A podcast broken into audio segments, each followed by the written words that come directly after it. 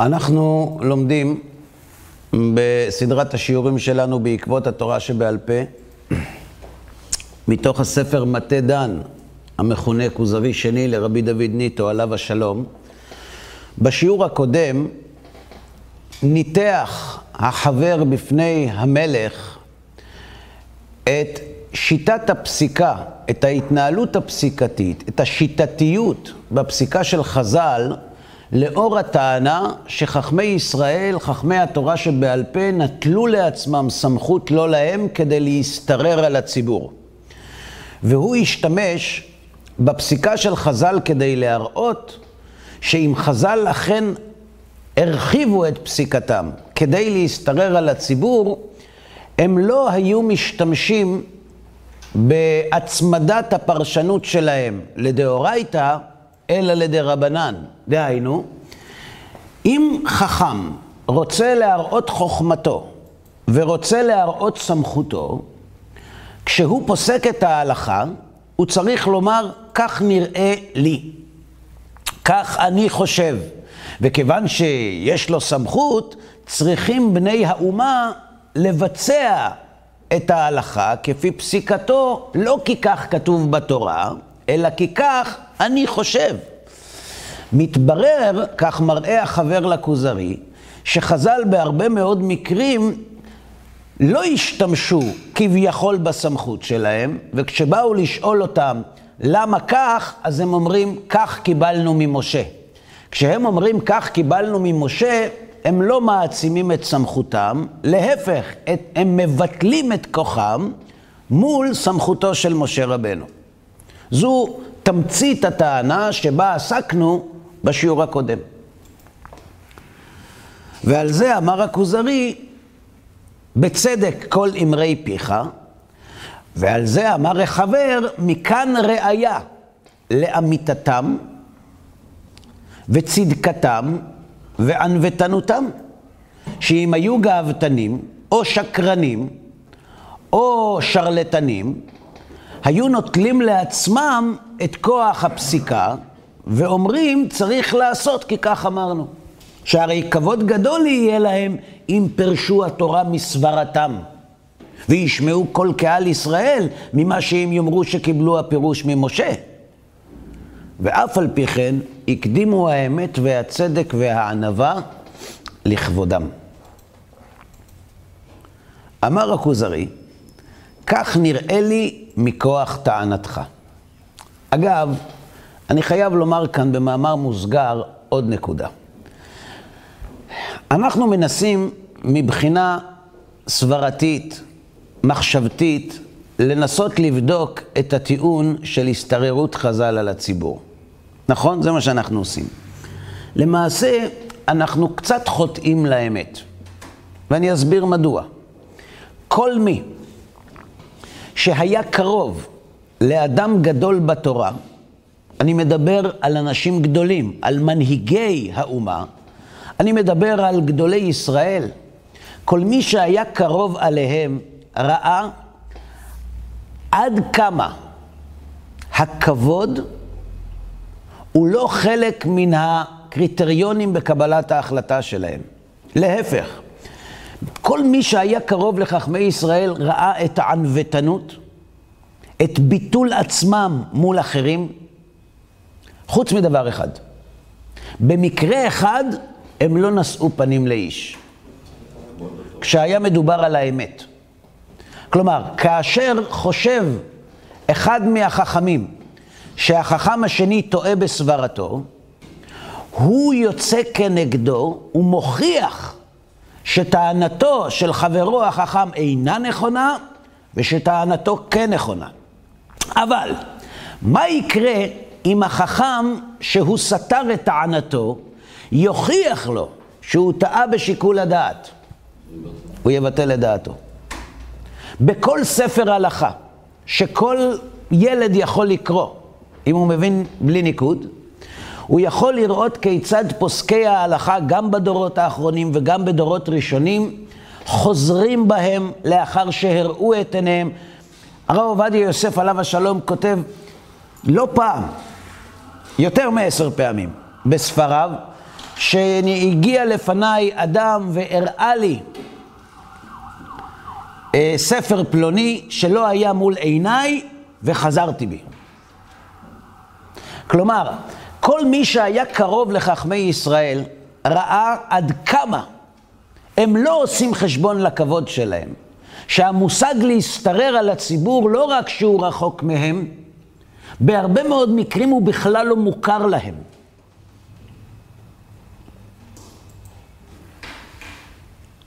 אני אתן דוגמה. החפץ חיים היה גדול הדור. והוא היה גר בבית שלא הייתה בו רצפה, אדמה. יום אחד הגיעו תלמידים, בלי ידיעתו, והחלו לבנות רצפת עץ. והוא מאוד לא אהב את זה. הוא אמר, בשביל מה? בשביל מה צריך את זה? אמרו לו, כבוד הרב, זה עניין של נקיות, זה יותר נקי. אמר להם, ואבות אבותינו שעסקו בתורה לא היו נקיים? כשיום אחד הוא ראה כיצד אחד התלמידים מנקה את הרצפה ומבריק אותה, הוא אמר לו, נו, אתה רואה? מרבה נכסים, מרבה דאגה. לא חבל, במקום לצחצח את הרצפה, היית יכול לשבת ללמוד. וכשאשתו אמרה לו, אם אתה כל כך צודק, אז למה אצל רב חיים מויזר, זכר צדיק לברכה, יש וילונות בבית?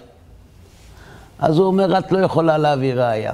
רבי חיים מויזר הוא נשיא ישראל, ונשיא ישראל צריך לכבד את נשיאותו, לכן אין לו ברירה והוא צריך לסבול מווילונות. אבל אני אדם פשוט, אמר החפץ חיים.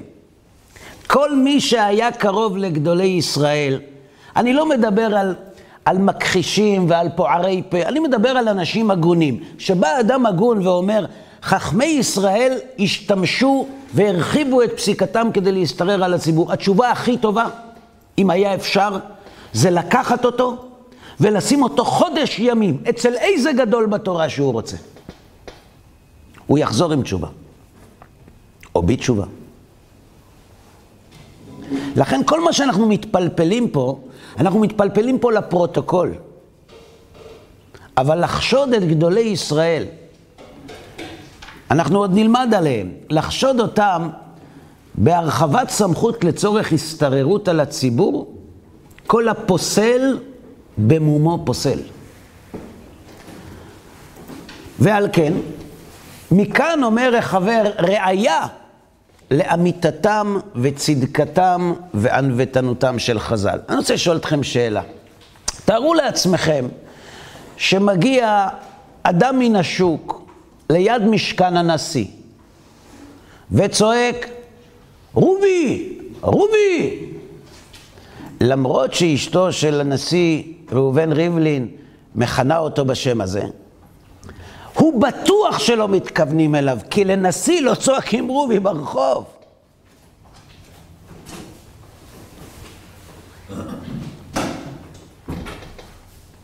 הלל הזקן היה נשיא ישראל. הוא לא היה סתם נשיא. חז"ל אומרים שאלמלא הוא נשתכחה תורה מישראל. זאת אומרת, הוא היה גם מנהיג וגם תלמיד חכם.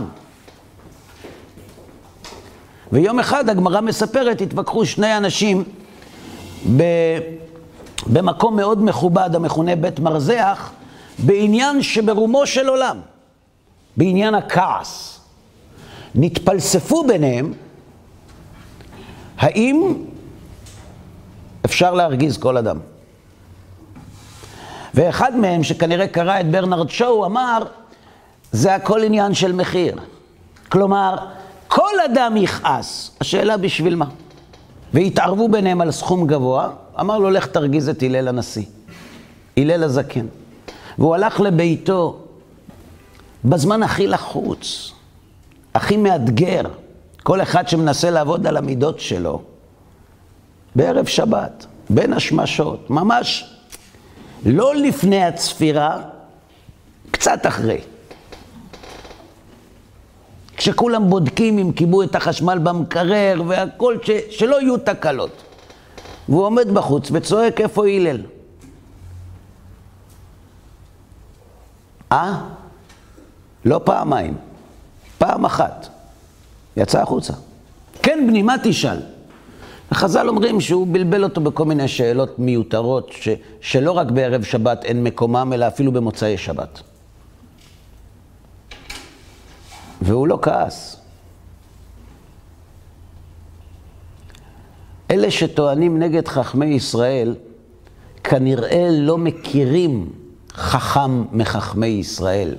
שאם היו מכירים, אולי היו מצננים מעט את ההתלהבות כשהם טוענים שחז"ל נצלו, נתנו לעצמם סמכות. אז מה אומרים כנגד הטענה שלי אנשים? כן, אבל אני אביא לך סיפורים אחרים, ותראה איזה מחלוקות היו וזה. לכן אנחנו משתמשים בלוגיקה.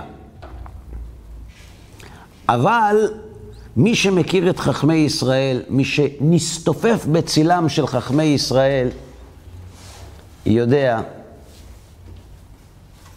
שהטענה הזאת ריקה מתוכן. אבל נמשיך הלאה. אמר הכוזרי, כך נראה לי מכוח טענתך. כלומר, מהטענה שהעלית, שחז"ל לא נטלו לעצמם סמכות רחבה וייחסו למשה רבינו את חלק גדול מהדברים שהם לימדו את ישראל, מכוח טענתך כך נראה שכנראה אתה צודק. והחבר לא אוהב את הכנראה הזה. אמר החבר, אל יאמר המלך כן. כך הוא. למה אתה אומר כנראה? אתה יושב מול בן אדם, אתה אומר לו, הנה ההוכחות לאמיתות התורה, מה אתה אומר? הוא אומר לך, תשמע, צריך לישון על זה. כנראה שיש בזה משהו. אז אתה שואל אותו, למה כנראה? יש משהו לא ברור? אדרבה, אם אתה מוצא משהו לא נכון, בוא ותטען. כנראה. אני זוכר, לפני הרבה שנים, כשהתחלתי לתת הרצאות, השתתפתי בסמינר, היה שם זוג. אחרי כמה ימים חורקת לידי מכונית, אני רואה שני אנשים, גבר ואישה, בתוך מכונית, הוא עם כובע וחליפה. רואים שזה לא למידותיו, זאת אומרת, לא בקיא ורגיל בתחום, והיא עם מטפחת. אהרון, מה נשמע? בסדר. אתה לא זוכר אותנו? לא. היינו בסמינר לפני שבועיים, מה, אתה לא זוכר? אה, כן, נכון, מה? חזרנו בתשובה. אנחנו מחפשים כאן דירה. פה? כן. אם זו האמת, אז עד הסוף.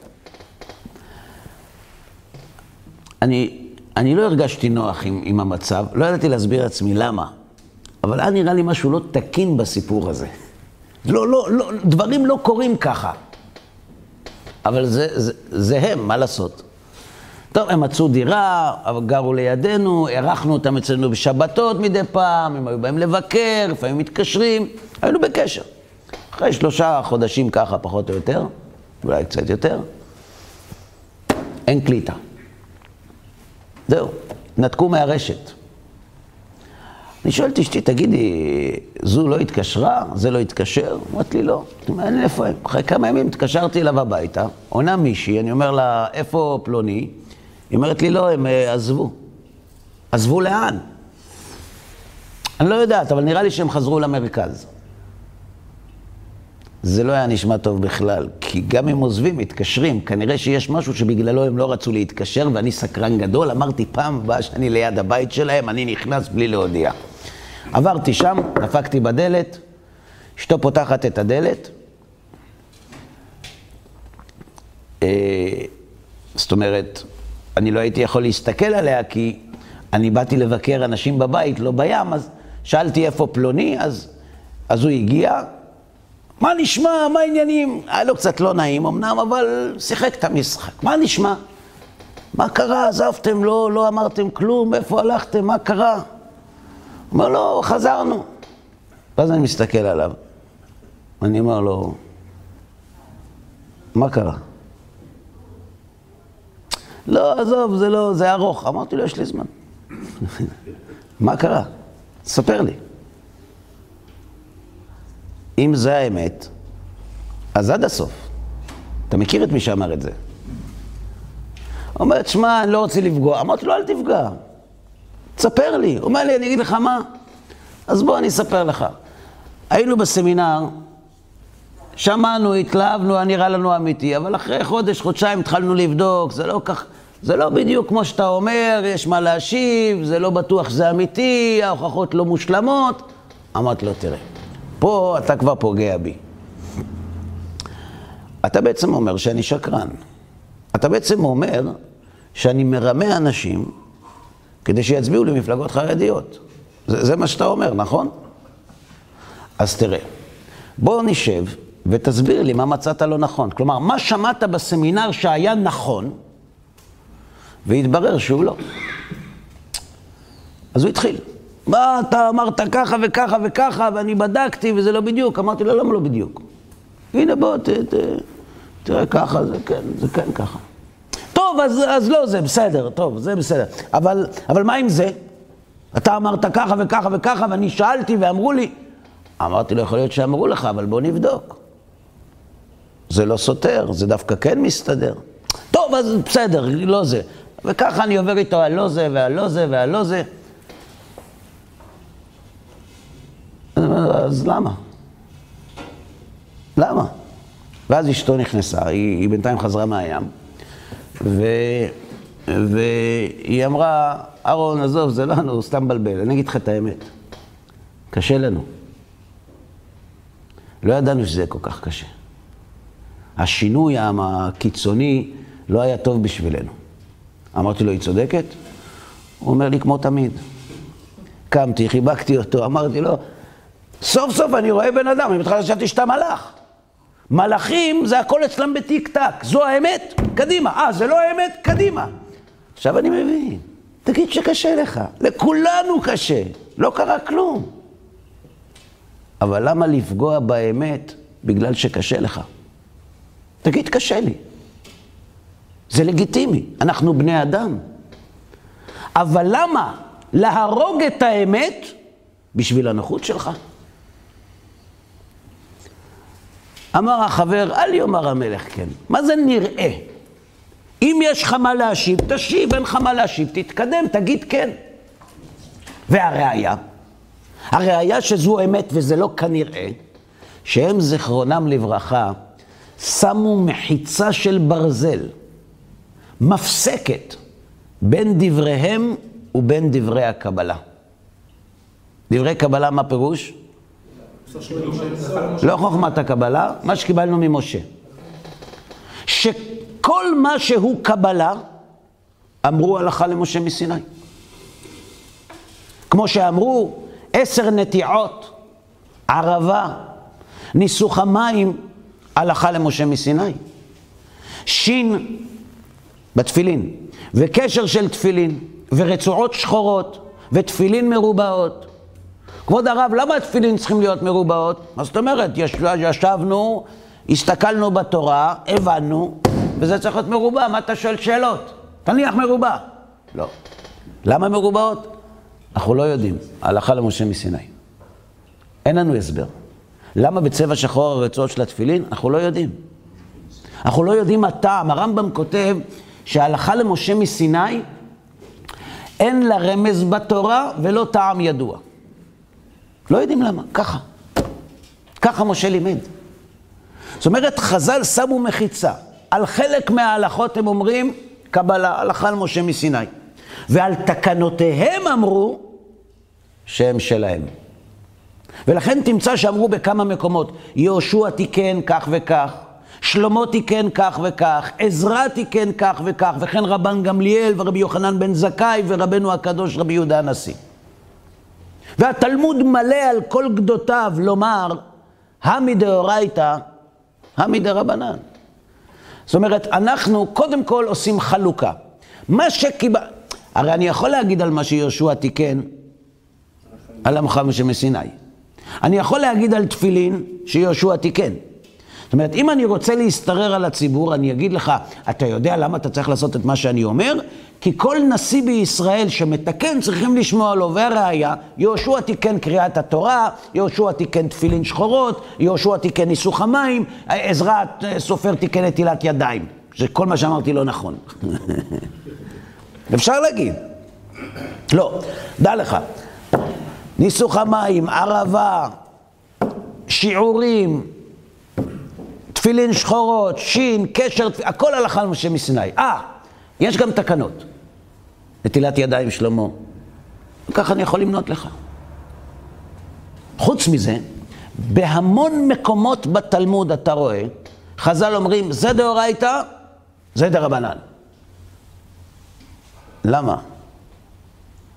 תגידו הכל דרבנן. למה אתם מתעקשים להגיד דאורייתא? ופעמים הרבה אמרו מדרבנן, וקרא אסמכתא בעלמא. כלומר, הרבה פעמים אומרים, נכון, יש מקור בתורה, אבל המקור בתורה הוא לא המקור ההלכתי. אנחנו כך פסקנו, והצמדנו את זה לתורה לזיכרון. צריך לדון מה זו אסמכתא. זה לא, זה לא דבר פשוט, זו מחלוקת גדולה. אבל לאחת השיטות, אסמכתא זה זיכרון. היה כותב הרמב"ם, בהקדמה לפירוש המשניות.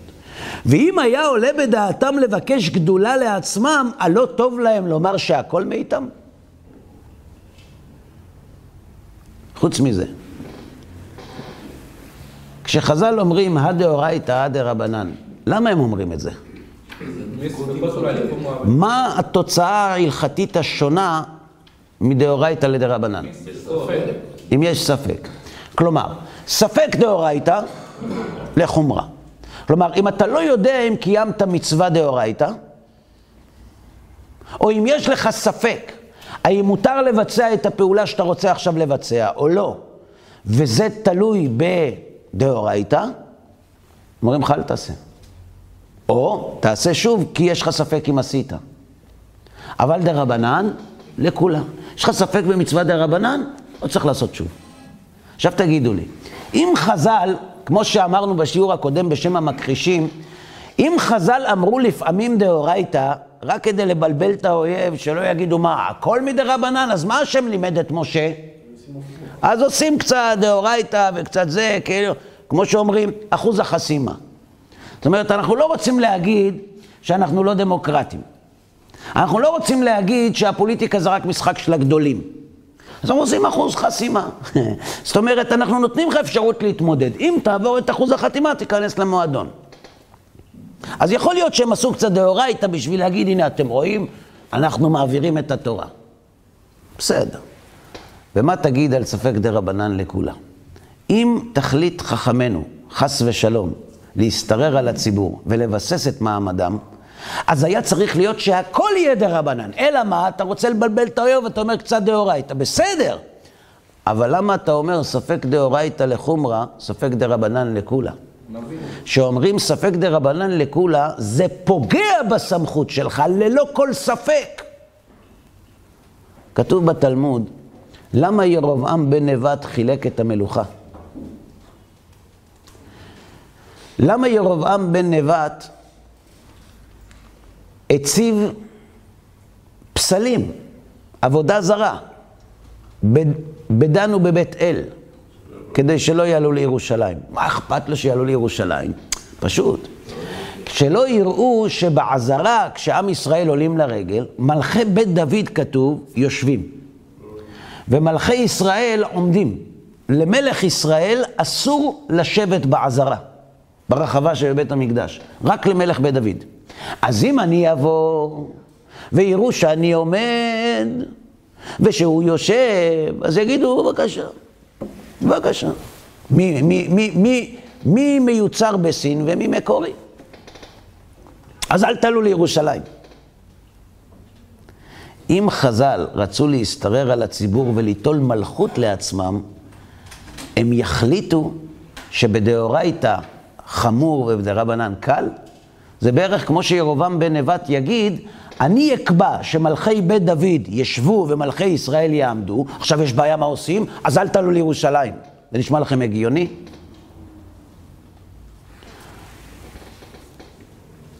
אמר הכוזרי, בסדר, אתה צודק.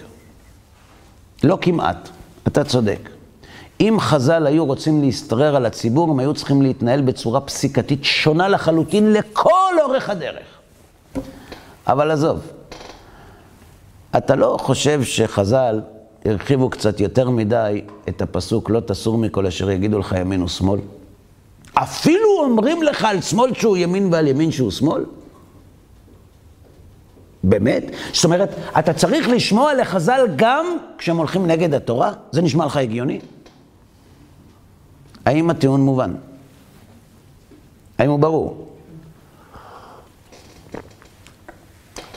אמר החבר, אמר הרב רבי אליהו מזרחי, זיכרונו לברכה, בפירושו לרש"י על התורה, פירש דברי רש"י, שהן של ספרי, מופיע בספרי, מדרש ההלכה, כך. אפילו תחשוב בלבך, מה זה אפילו אומרים לך למין שהוא שמאל או שמאל שהוא ימין? אפילו תחשוב בלבך שהוא טועה בדין, ואומר על ימין שהוא שמאל ועל שמאל שהוא ימין, עשה כמצוותו. ואל תאמר, איך אוכל החלב, איך אוכל זה שהוא חלב גמור? והוא אומר שהוא שומן. יש פה חתיכה. חתיכה. אנחנו לא יודעים אם זה שומן או חלב. עכשיו, שומן מותר באכילה וחלב אסור. עכשיו, זה נראה אותו דבר. עכשיו, אני יודע שזה חלב. אני הקצב, אני יודע שזה חלב. והוא אומר, זה שומן. אז מה אני אמור לעשות? איך אני... מה, בגלל שהוא אומר שזה שומן, זהו? איך אני יכול לאכול את זה? או איך אהרוג האיש הזכאי הזה? אני יודע שהאיש הזה לא רוצח.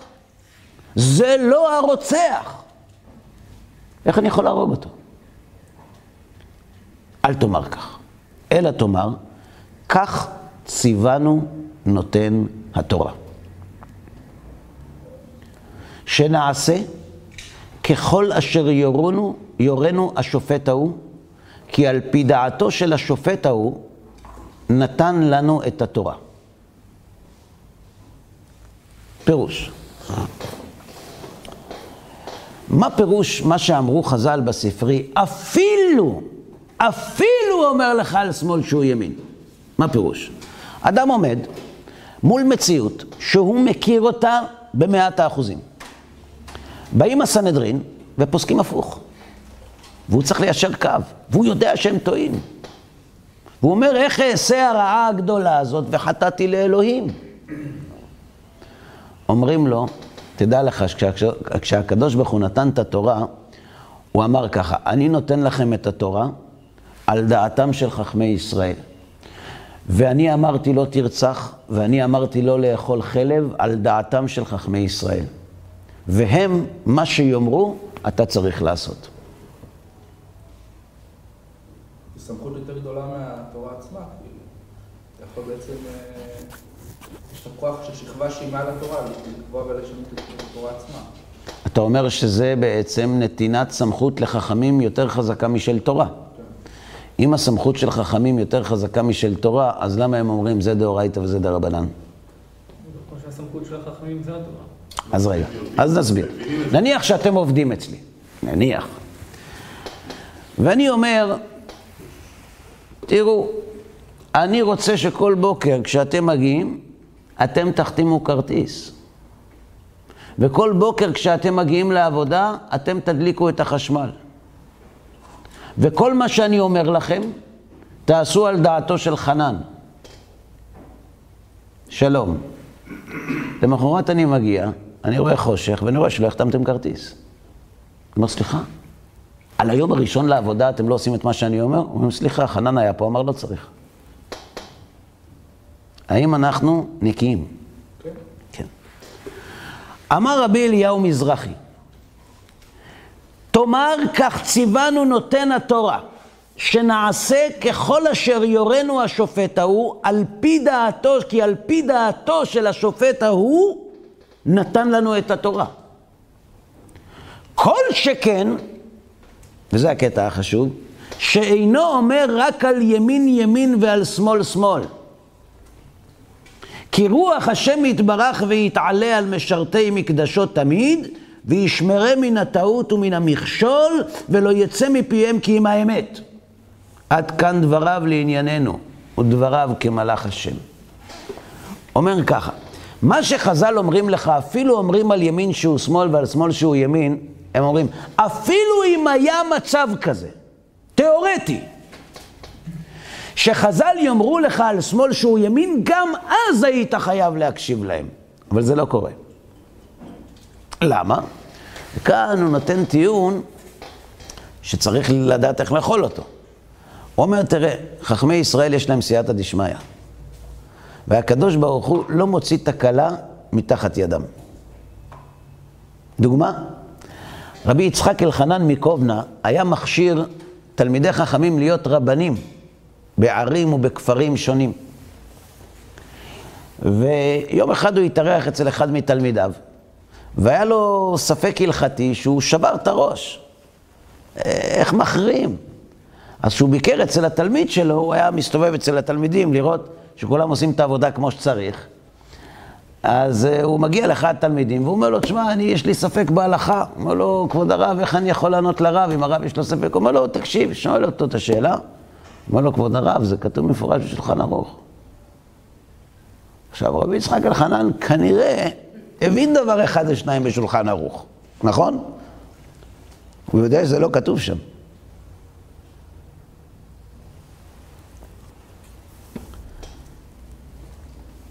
מספרים על רב חיים מויזר, זכר צדיק לברכה, פעם שאנחנו מזכירים אותו היום, שהגיע אליו איזה תלמיד חכם והתפלפל איתו בהלכה, ורב חיים מויזר אמר לו, זה ככה הלכה.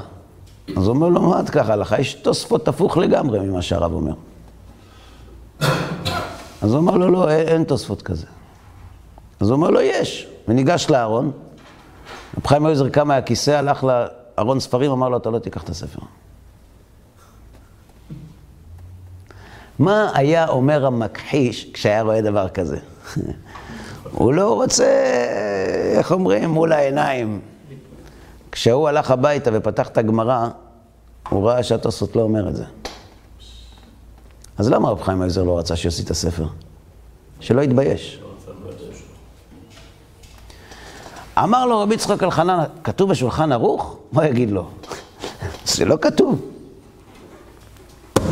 אמר לו, איפה? פתח את הספר, קרא, ואז הרב רואה שהוא מדלג שורה. וכשמדלגים שורה, אכן יש תשובה בשולחן ערוך. אבל זו לא תשובה נכונה. כי זה לא כתוב בשולחן ערוך. בסוף התברר שהתלמיד צדק. זאת אומרת, הוא קרא עקום, אבל יצא לו טוב. מה שאומר רבי אליהו מזרחי עליו השלום, זה שלחכמי ישראל יראי האלוקים, אני לא מדבר על אנשים שהם רק חמורים נושאי ספרים. החזון איש כותב דבר מאוד מעניין. חזון איש כותב שכדי לפסוק הלכה אמיתית, אמת לאמיתה, לא מספיק ידיעת התורה. צריך יראת שמיים. כי כשאתה פוסק הלכה, אתה זקוק לשיקול דעת. שיקול דעת זה הענקת משקל לכל אחד ואחד מן הצדדים. אז נכון שמבחינה מיסטית נראה שיראת שמיים זה איזו סגולה. אולי, אני לא יודע.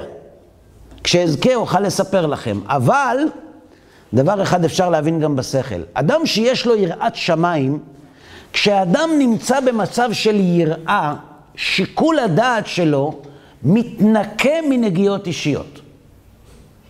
כשהוא מתנקה מנגיעות אישיות, הסיכוי שהמשקל שהחכם ייתן לכל אחד ואחד מן הצדדים הוא הרבה יותר מדויק. לכן אומר רבי אליהו מזרחי עליו השלום, כי רוח השם יתברך ויתעלה על משרתי מקדשו תמיד, וישמרה מן הטעות ומן המכשול, ולא יצא מפיהם כי אם האמת. כלומר, אל, אל, אל, אל תיסחף, הוא אומר למלך. מה שאמרו לך על ימין שהוא שמאל ועל שמאל שהוא ימין, זה לפרוטוקול. זה לא קורה. זה לא קורה מפני שהקדוש ברוך הוא נותן סיעתה משמיא, לתלמידי חכמים שעוסקים בתורה, אליבא דהילכתא מתוך יראת שמיים. אבל אפילו אם היה קורה דבר כזה, על דעת זה קיבלת את התורה.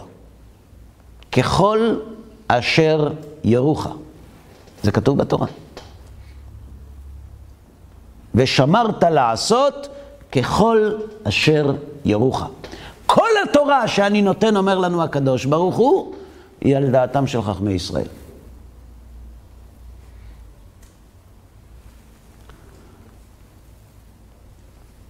אמר הכוזרי, אם כך, מדבריו משמע דסבירה לי, שכל מה שאמרו חז"ל בפירוש התורה והמצווה הוא שלהם, ולא קבלה מסיני. כי אם חכמי ישראל הם הסמכות להחליט מה התורה רוצה, אז כל הפירוש של התורה הוא בעצם שלהם. כלומר, זה שהתורה הגיעה מסיני זה פרט שולי, זה לא רלוונטי. אם הסמכות של חז"ל יותר גדולה ממה שכתוב בתורה, אז כשחז"ל אומרים צריך לעשות כך כי כתוב בתורה, המילים כי כתוב בתורה לא חשובות. עצם זה שחז"ל אמרו, גם אם זה לא היה כתוב בתורה, היית צריך לקיים. אז מה, הכל דרבנן? הכל נאמר על ידי חכמים.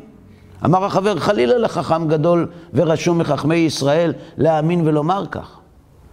אלא שכתב כך בדרך סלקא דעתין. כלומר, אף על פי שיעלה בדעתך שאין כאן קבלה, ושכל מה שהורונו כפי שעלה בדעתם, חייב אתה להשתעבד לפסק דינם. גם אם חכמי ישראל היו מפרשים מדעתם בלבד את התורה, היית מחויב להקשיב להם, אבל זה לא המצב. המצב הוא שרוב הפירוש עובר בעל פה ממשה רבינו, למעט הפירושים המחודשים, הגזרות והתקנות שנפסקו על ידי הסנהדרין ונתחדשו במהלך השנים.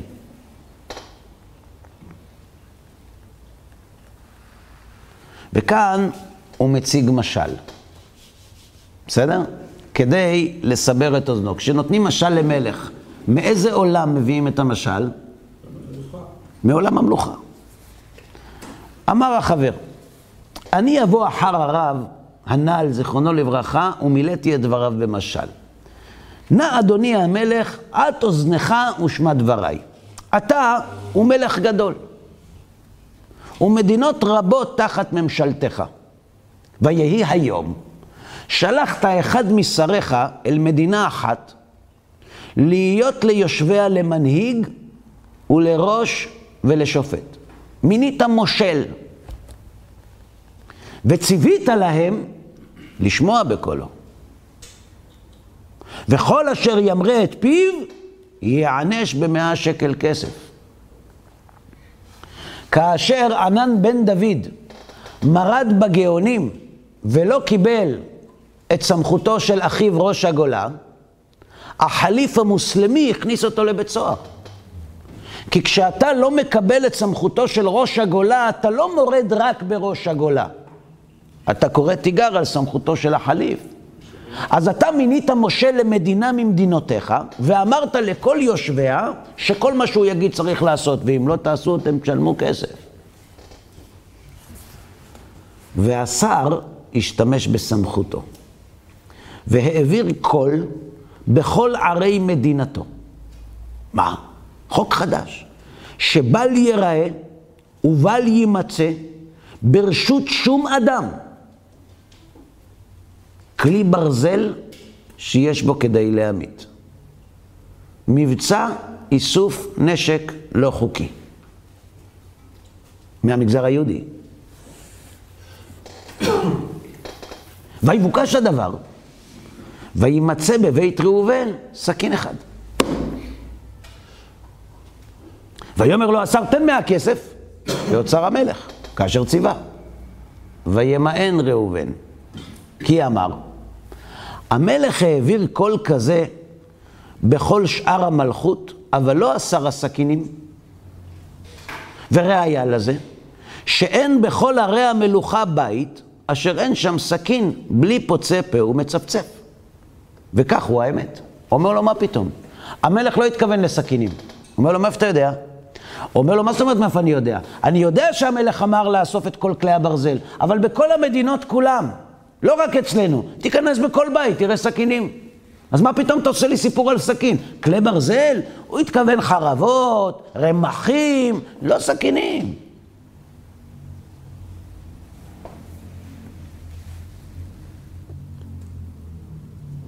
אסר לו שת ליבו לטענותיו, ויתנהו אל בית הסוהר עד שיפרע הקנס על שימרה את פיו. האם הסיפור ברור? ברור עד פה? המלך בא, אמר, פלוני הוא המושל, וכל מה שהוא יגיד תעשו. הלך המושל ואמר, כל כלי ברזל יאסף אל אוצר המלוכה. בדק וראה שאחד האנשים השאיר סכין בבית ותובע אותו 100 שקל כסף והוא לא רוצה לשלם. מה הטענה שלו? הוא אומר, זה נכון שאתה אמרת, אבל לא פירשת נכון את מה שהמלך אומר. כי לאסוף את כל כלי הברזל, הוא אמר בכל המדינות, לא רק אצלנו. עכשיו תסתכל במדינות אחרות. למה אתה קיצוני? תסתכל במדינות אחרות, לא לקחו סכינים. אז הוא לא התכוון לסכינים. אז אני לא מוכן לשלם. כלומר, יש ויכוח בין השר לבין האזרח, מה הייתה כוונת המלך? מה רוח החוק? בסדר? מה שקורה עם ה-SMS, תופס את השוטר עם הטלפון, אסור לספר, לא סימסתי, רק הסתכלתי בבייס, לא רוצה לשלם, יש ויכוחים האלה גם. כן. כן. ויבוא ראובן לפניו, ויפול לפני רגליו, ויבק ויתחנן לו, להעביר את רעת השר ולצוות לו שישיב לו את הכסף אשר לקח ממנו בחוזקה. ואז הנאשם הולך למלך ומבקש רחמים, שיחזיר לו את הכסף, שיוציא אותו מבית סוהר. בבקשה ממך, אומר החבר למלך, מי משניהם יצא חייב מבית דינך הצדק, השר או ראובן?